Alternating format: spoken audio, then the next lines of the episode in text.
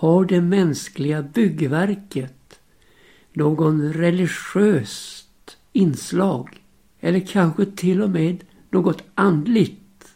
Eller är mänskligt byggande neutralt? Det ska vi se på i det här programmet. Välkommen min lyssnare! I ett tidigare program så har vi talat om när Gud bygger. Och vi berörde då när Gud byggde av ett reben från Adam en kvinna, nämligen Eva. Och vi talade också om när Gud av levande stenar bygger sin församling. Och i förra programmet då talade vi om när människor bygger. Och där var vi tvungna att indela det på två olika inriktningar. När människan bygger med Gud och när människan bygger utan Gud. Och vi hade i båda programmen med bibelordet från psalm 127 och som jag också vill läsa nu. Om Herren icke bygger huset så arbetar det fåfängt som bygga därpå. Om Herren icke bevarar staden så vakar väktaren fåfängt. När vi nu talar om människans byggverk så är det ju inte bara ett byggverk av tegel och murbruk utan det är ju också ett kulturbyggande. Ett byggande med idéer. Ett tänkande. En idé som tar form. Och dessa idéer är varken religiöst eller andligt neutrala utan visar på en inriktning i en bestämd riktning. En färdriktning bort ifrån Gud där människan i sin stolthet vill ta hedersplatsen och äran för det som sker. Ett moment av tillbedjan där de stumma avgudarna talar i sten och betong. En avguderiets stolthet där man söker sin ära i det som är en skam och där hela en sinnevärld är inriktad på jord och värld. Det jag här har nämnt är ju saker som finns belagda, ja klart framställda i bibelordet. Den första som byggde en stad här på jorden var Kain. Och den första som upprättade ett välde här på jorden var Nimrod. Och dessa två strömningar finner samman när man bygger Babelstornet. Varför räckte det inte med den staden och med väldet? Varför måste det till ett torn som man ville nå upp i himmelen med? Det har att göra med det religiösa inslaget där människan söker sin egen frälsningsväg, sin egen väg in i himlen. Det hörs en oerhörd kallelse bland människors barn till arbetsinsatser i staden och med tornet där i Babel. Den kallelse som går ut formuleras i orden Kom, låt oss slå tegel och bränna det. En kallelse som når människorna på det individuella planet. Att var och en ska ta initiativ till att deltaga. Så preciseras denna kallelse i orden Kom, låt oss bygga en stad åt oss och ett torn vars spets räcker upp i himmelen och så gör oss ett namn. Vi kunna eljest bli kringspridda över hela jorden. Här möter oss alltså de samlade insatserna i ett bygge av en stad och i ett torn vars spets ska nå upp i himmelen. Varje sten och varje människa hade sin betydelse i detta kulturbygge. Utan deras insatser hade inte blivit någonting. Själva grundtonen i kallelsen och i detta byggande var just detta. Låt oss göra oss ett namn.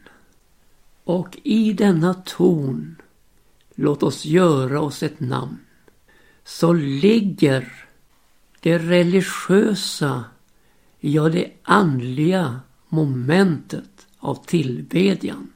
Avguderiet tar här sitt första men också definitiva språng in i kulturen. Härefter kommer aldrig kulturen att kunna skaka av sig detta avguda inflytande. Vi behöver inte Gud. Vi bygger oss själva in i Guds himmel. Men Gud, han sätter en stopp för dårskapen.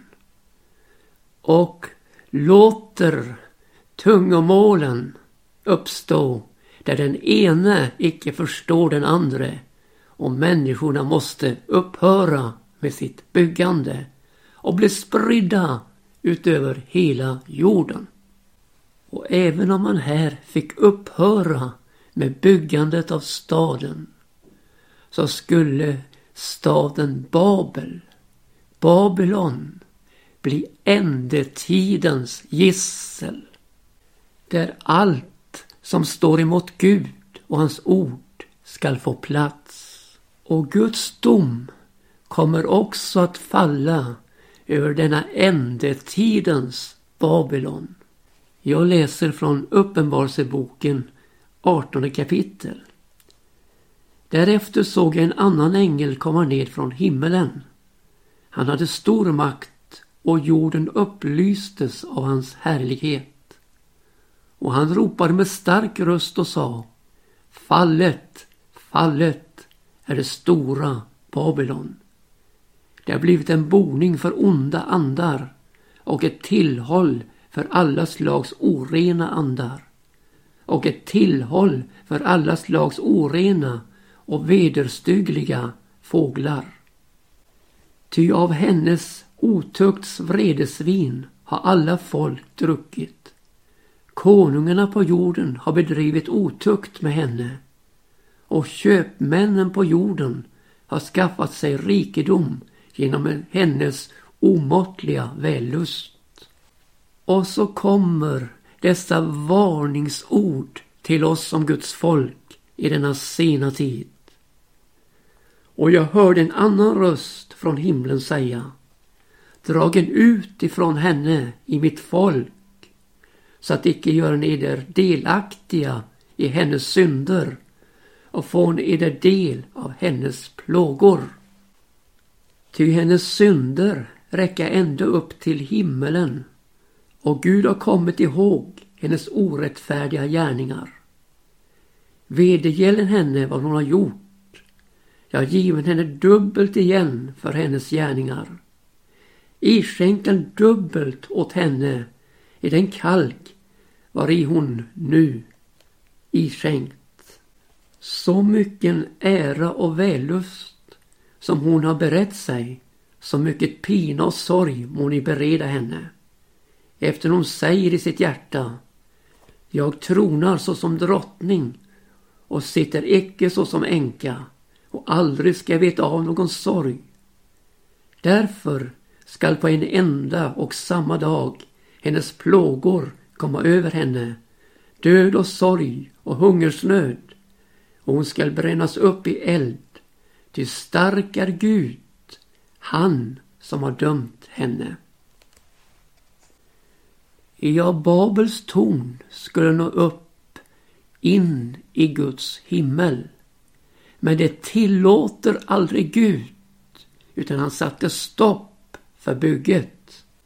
För det finns bara en väg till Guds himmel och det är genom Jesus Kristus som är vägen, sanningen och livet.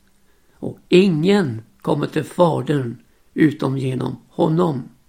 Men som möter oss här då i Uppenbarelseboken att hennes synder räcka ända upp till himmelen. Ja, det kommer aldrig in i Guds himmel, synden. Men den räcker ända upp till. Och här har vi alltså att göra med en tillvaro, en mänsklighetens tillvaro utan Gud. En mänsklighetens tillvaro i synd och ingenting annat. Med denna text så blir det så oerhört viktigt det vi möter i Hebreerbrevet. Att vi ska gå ut.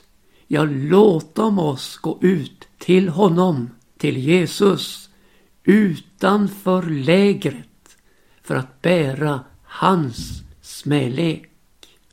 I alla dessa röster i tiden med inkallelse till ett kulturbygge av förgänglighet så nås vi av en kallelse från himmelen i motsatt riktning.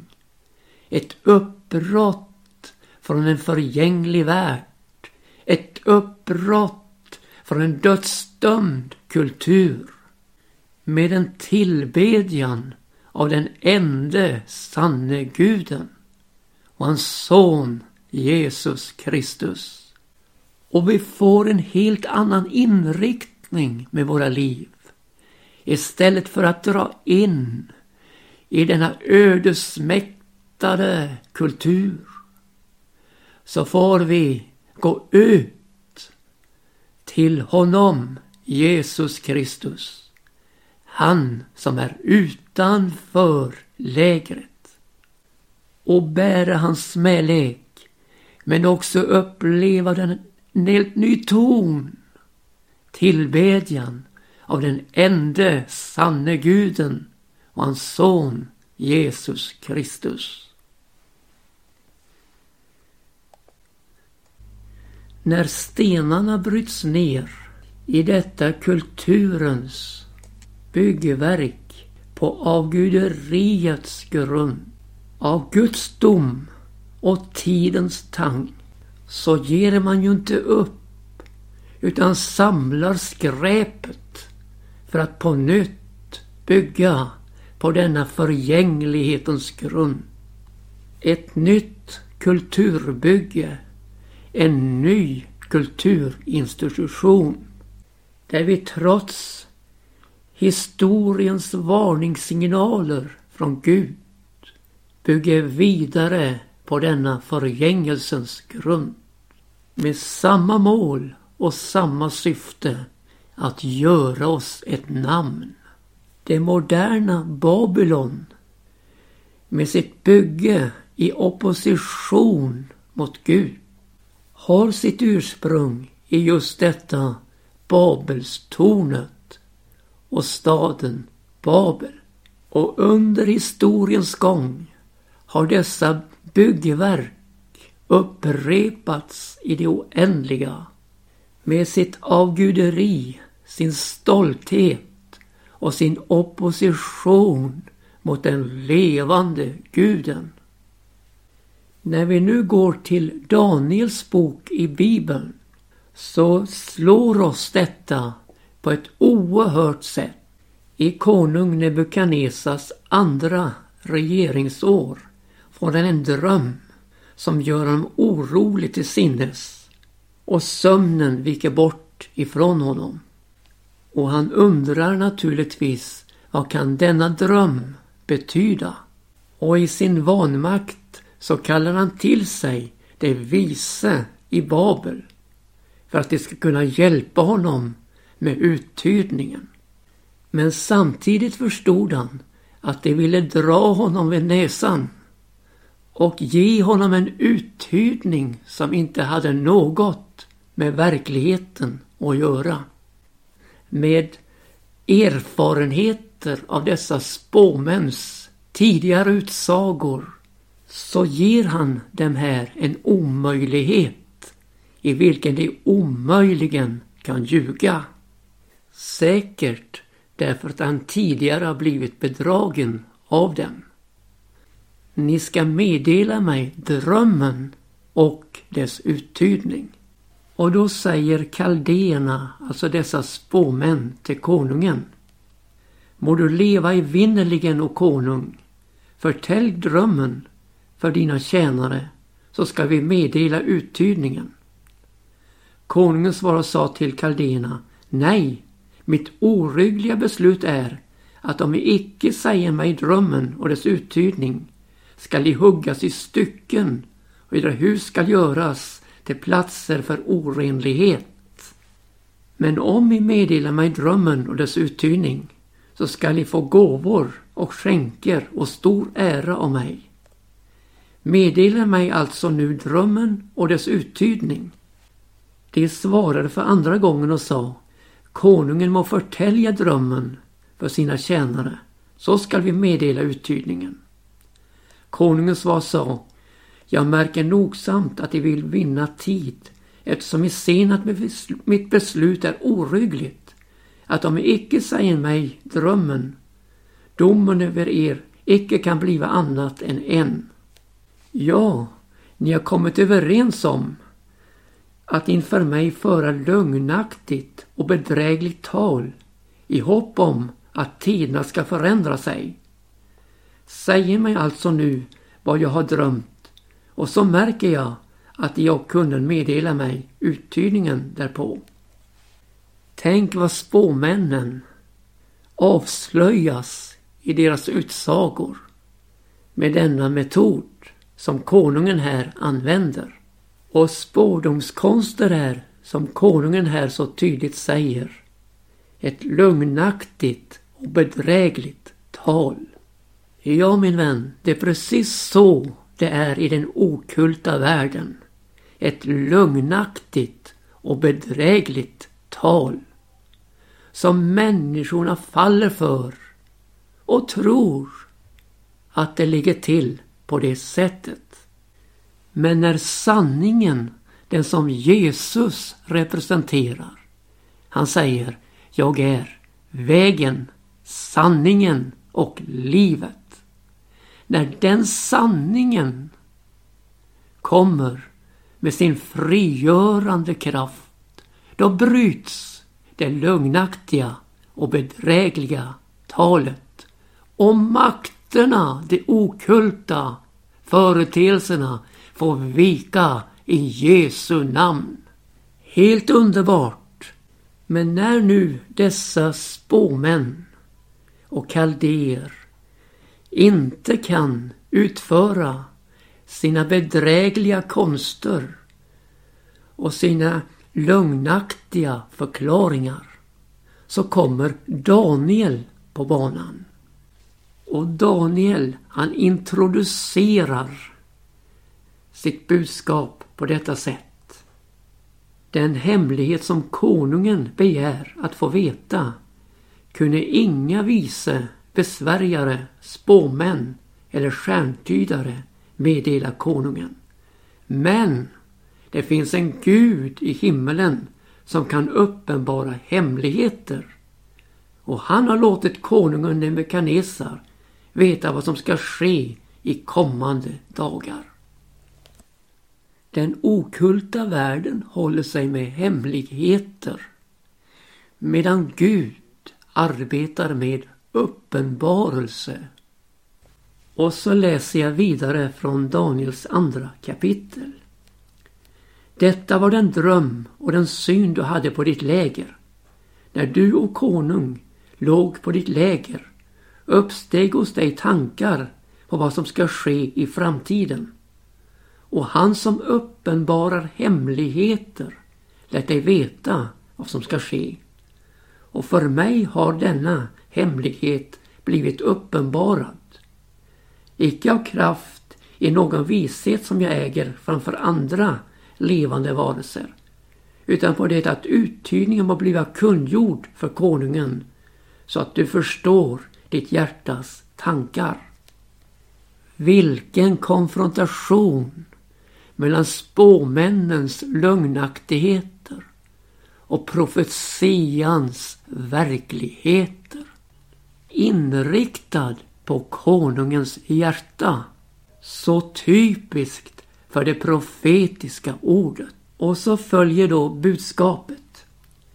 Du och konung såg i din syn en stor bildstod stå framför dig. Och den stoden var hög och dess glans var övermåttan stor. Och den var förskräcklig att skåda. Bildstolens huvud var av bästa guld. Dess bröst och armar var av silver. Dess buk och länder av koppar. Dess ben var av järn. Dess fötter delvis av järn och delvis av lera. Medan du nu betraktade den blev en sten lösriven, dock icke genom människohänder. Och den träffade bildstolen på fötterna, som var av järn och lera, och krossade dem. Då blev på en gång allt sammans krossat. Järnet, leran, koppran, silvret, guldet och det blev så som agnar på en tröskloge om sommaren. Och vinden förde bort det så man icke mer kunde finna något spår därav. Men av stenen som hade träffat bildstolen blev ett stort berg som uppfyllde hela jorden. Och så fortsätter Daniel med sin uttydning. Detta var drömmen och vi vill nu säga konungen uttydningen.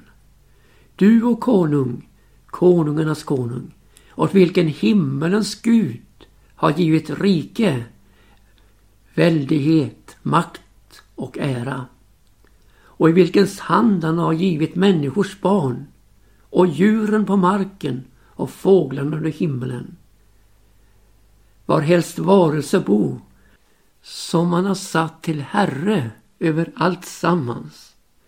Du är det gyllene huvudet men efter dig skall uppstå ett annat rike, ringare än ditt, och därefter ännu ett tredje rike, ett som är av koppar, och det skall råda över hela jorden. Ett fjärde rike skall uppstå och vara starkt som järn, ty järnet krossar och sönderslår ju allt. Och så som järnet förstör allt annat, så skall och detta krossa och förstöra. Men att du såg fötterna och tårna vara delvis av krukmakarlera och delvis av järn. Det betyder att det ska vara ett söndrat rike. Dock så att det har något av järnets fasthet, ty du såg ju järn vara där blandat med lerjord. Och av tårna på fötterna vore delvis av järn och delvis av lera. Det betyder att riket ska vara delvis starkt och delvis svagt. Och att du såg järnet vara blandat med lerjord.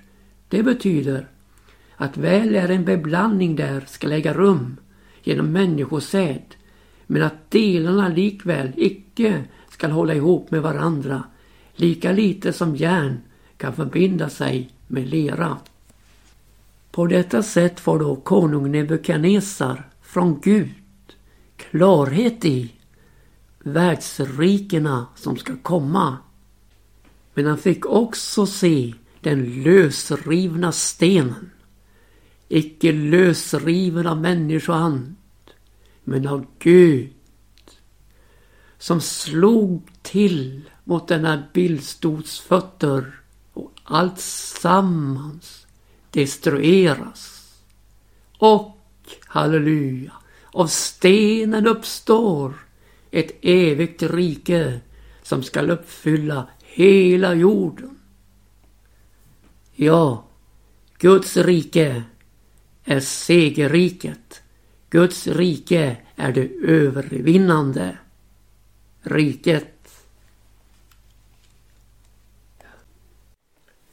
Man tycker väl nu som så att när konung Nebukadnessar hade fått uppenbarat för sig denna framtid så borde han vara tacksam och prisa och ära Gud som hade uppenbarat dessa hemligheter för honom. Men så för han dessa uppenbarade hemligheter ut i ett fruktansvärt avfall från Gud. I ett avgudadyrkande där han låter uppställa en bildstol. Och där på Duraslätten församlar konungen satraper, landshövdingar, ståthållare, fogdar och skattemästare, domare, lagtolkare och alla andra makthavare i hövdingdömena för att det skulle komma till invigningen av den här bildstolen. Och så kommer då det här religiösa, andliga inslaget i detta. Den förödande avgudadyrkan. En härold ropar ut med hög röst. Detta var er befallt i folk och stammar och tungomål. När ni hör ljudet av horn, pipor, sittror, sambuker, saltare, säckpipor och allehanda andra instrument skall ni falla ned och tillbedja den gyllene bildstod som konung Nebukadnessar har ställt upp. Men den som icke faller ner och tillbeder, han skall i samma stund kastas i den brinnande ugnen. Och när skarorna faller ner inför denna religiösa dårskap så finns det tre män som står. Det är Sadrak, Mesak och Abednego som vägrar att falla ned och tillbedja denna bildstod. Och vi ser alltså att byggandet av staden och väldet i Babel har ett tydligt andligt inslag. Ett inslag av avgudadyrkan. Och vi upplever i vår tid hur allehanda instrument spelar upp till att deltaga i ett avguderi med människan i centrum. Detta kommer att kulminera i Antikrists framträdande där han kräver tillbedjan av alla. Men detta Antikrists världsvälde har sitt slut i den lösrivna stenen från himmelen Jesu Kristi tillkommelse. Av den stenen, Jesus Kristus, uppstår ett rike som aldrig skall förstöras. Det är han som är med oss i den brinnande ugnen och låter oss gå lösa och lediga, fria i Jesus Kristus i tiden. Gud välsigne dig min vän att stå för honom. Om än alla andra faller ner och tillbeder, så stå för Jesus.